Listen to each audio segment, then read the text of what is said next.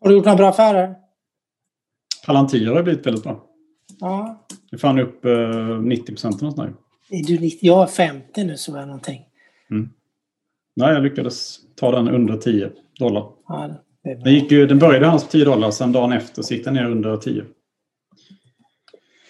Så tänkte jag att då klipper jag till lite. Så jag Ja. ökade några gånger där. I den. Ja, du Jag köpte tre gånger. Ja, det är bra. Jag, jag, tänker kör ju så små...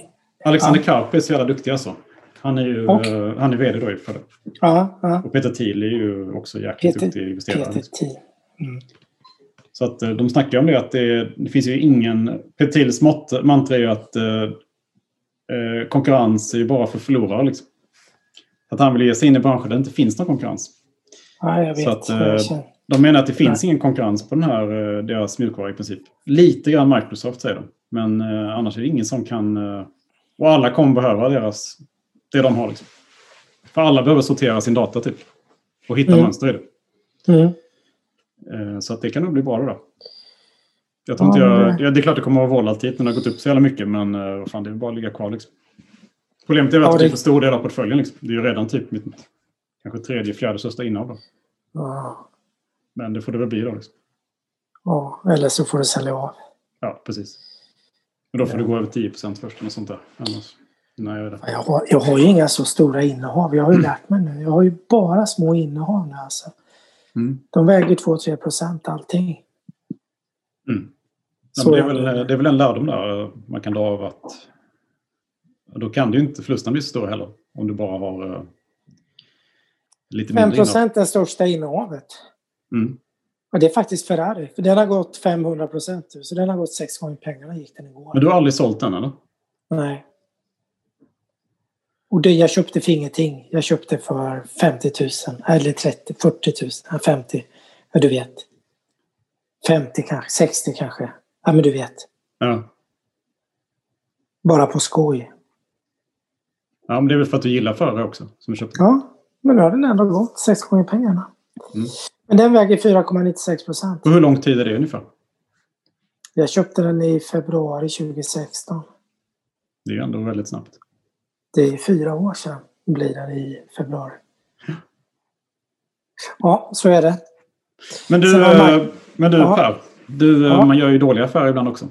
Ja, herregud alltså. Vilken är din sämsta affär? Alltså egentligen är det, det är nog både min bästa och min sämsta affär i samma affär. Och eh, det är Nibe tror jag. För att jag har ju varit ute, det är tredje gången nu jag var, gick ur den i somras. Mm. Och köpte in mig igen 25 procent dyrare. Jag köpte in mig 25 procent dyrare varje gång jag sålt den innan.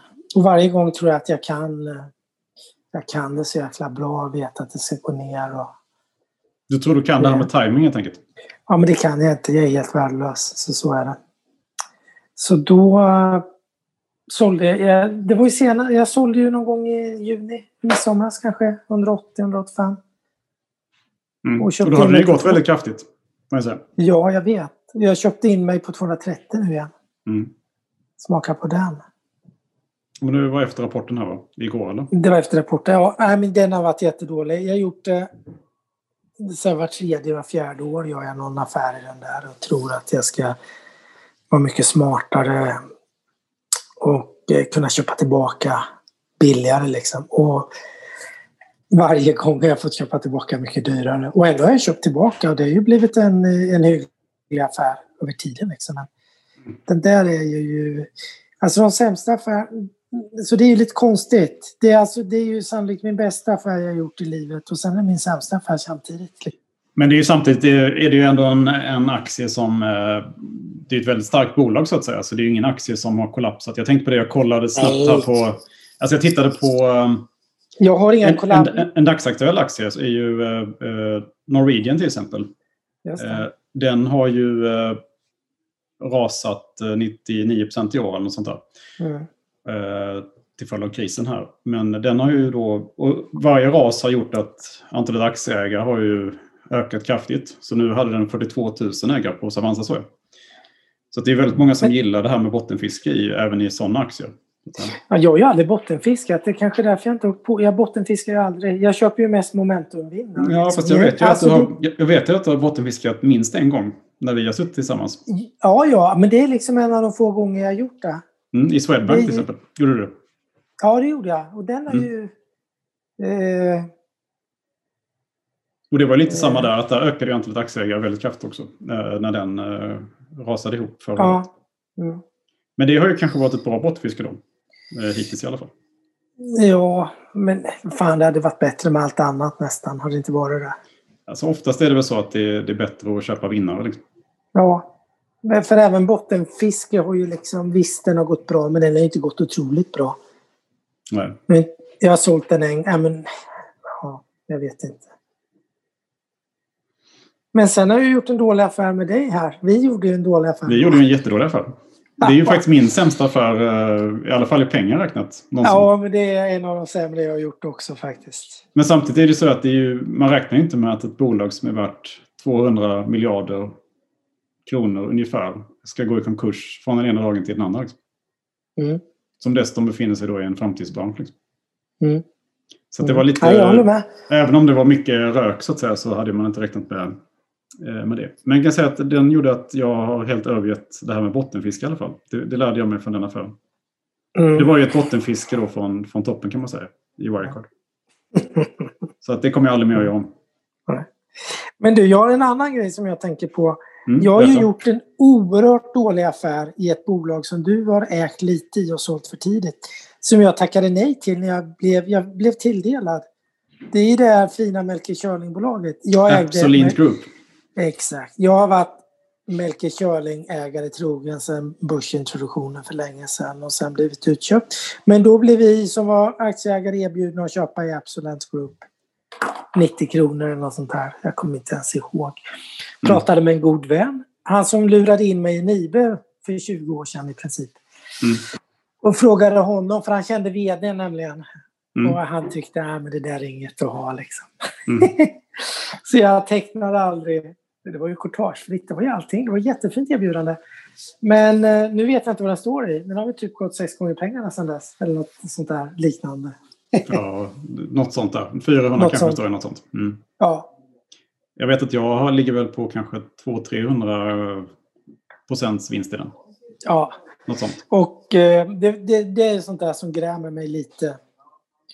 Men å andra sidan, eh, personen i fråga eh, har gett mig Nibe för länge sedan. Så det är liksom, ja, jag vet inte. Allt Så det kompenserar rätt. kan man säga. Det kompenserar det hela och det var ju mitt eget val. Så jag borde väl kunna tecknat ändå lite. Mm. Så den har jag missat. Det är ju lite ont och den har jag aldrig köpt sen. Eh, fast jag skulle ha velat, tror jag. Men, Men det är eh, ganska liten eh, free float i den aktien. Ja. Det är ju eh, det är svårt att komma Det in den. Det är han som handlar mycket också. Vad heter han? Gamla Ericsson-vd. Karl-Henrik är det ju som äger det. Karl Han äger 10 procent av bolaget. Just det. Mm. Så att där har han gjort ännu en fin affär. Nej, men det är visst man gör dåliga affärer. Jag gör ju mina Nibet-race då som är helt jävla överdåligt egentligen. Med facit i hand. Mm. Vad har du lärt dig Eh. av de här eh, dåliga affärerna? Nej, men jag kan inte market timing och gillar jag bolagen så ska man äga det länge. Och, eh, om det är bra bolag och bra ledning. Och de har bra strukturell tillväxt. Aldrig sälja helt enkelt. När det är bra. Liksom. Ja, lite så är det nog. Aldrig sälja. Och inte Mm. sälja framförallt bra bolag för att de blir för högt värderade på något sätt. Mm. Eh, Jag trodde att den skulle komma ner och sen har det ju fortsatt nu med starka ESG-flöden och ESG-trenden som är och så. Alltså om man ser Eh. lite på så här vad analytikerna tycker om Nibe så är det ju, eh, det är ju ingen som tycker den är värd så mycket som den handlas just nu. Utan det är ju, riktkurserna ligger ju en ganska bra bit under 200 eh, kronor. Mm. Mm. Eh, Så att eh, de flesta anser att den är övervärderad då. Men Mm. det är ju, då kanske de inte räknar in det här ESG-värderingen så att säga. Nej, att man har svårt att se vad den, vilken premie den ska värderas till med ESG. Det kanske ska vara vad det nu ska vara. Ett antal P-tal-enheter. Ja, visst. Det är väl samma med Tomra liksom, fast den är väl Mm. ännu, ännu högre värderad. Mm. Men du då? Ja, du, jag har ju, förutom Wirecard då, så har jag ju eh, gjort dåliga affärer framförallt i råvarusektorn. När jag, när jag, det är lite så här att man förtränger ofta att man har gjort eh, dåliga affärer. Eh, Jo, det, man, vill, man vill inte sitta och tänka på det. Men eh, de allra, allra sämsta affärerna har jag gjort i amerikansk naturgas. Eh, naturgas ETF. Ja. Det är lite så att naturgas är ju lite som silver i förhållande till guld. Alltså att, Mm. att naturgas är som, Mycket rör, sig- rör sig ungefär som oljan gör fast kanske Mm. flera gånger. Liksom. Men hävstång.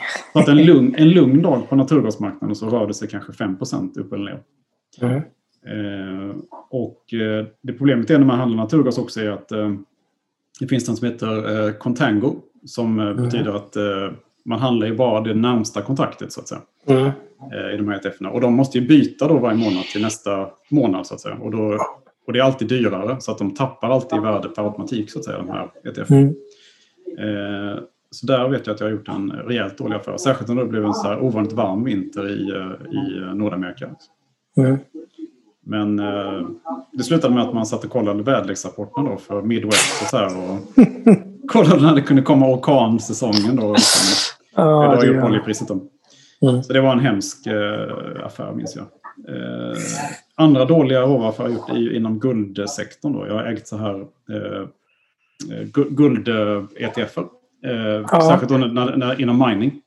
Eh, Mm. Så, eh, så min, mindre guldbolag så att säga. Mm.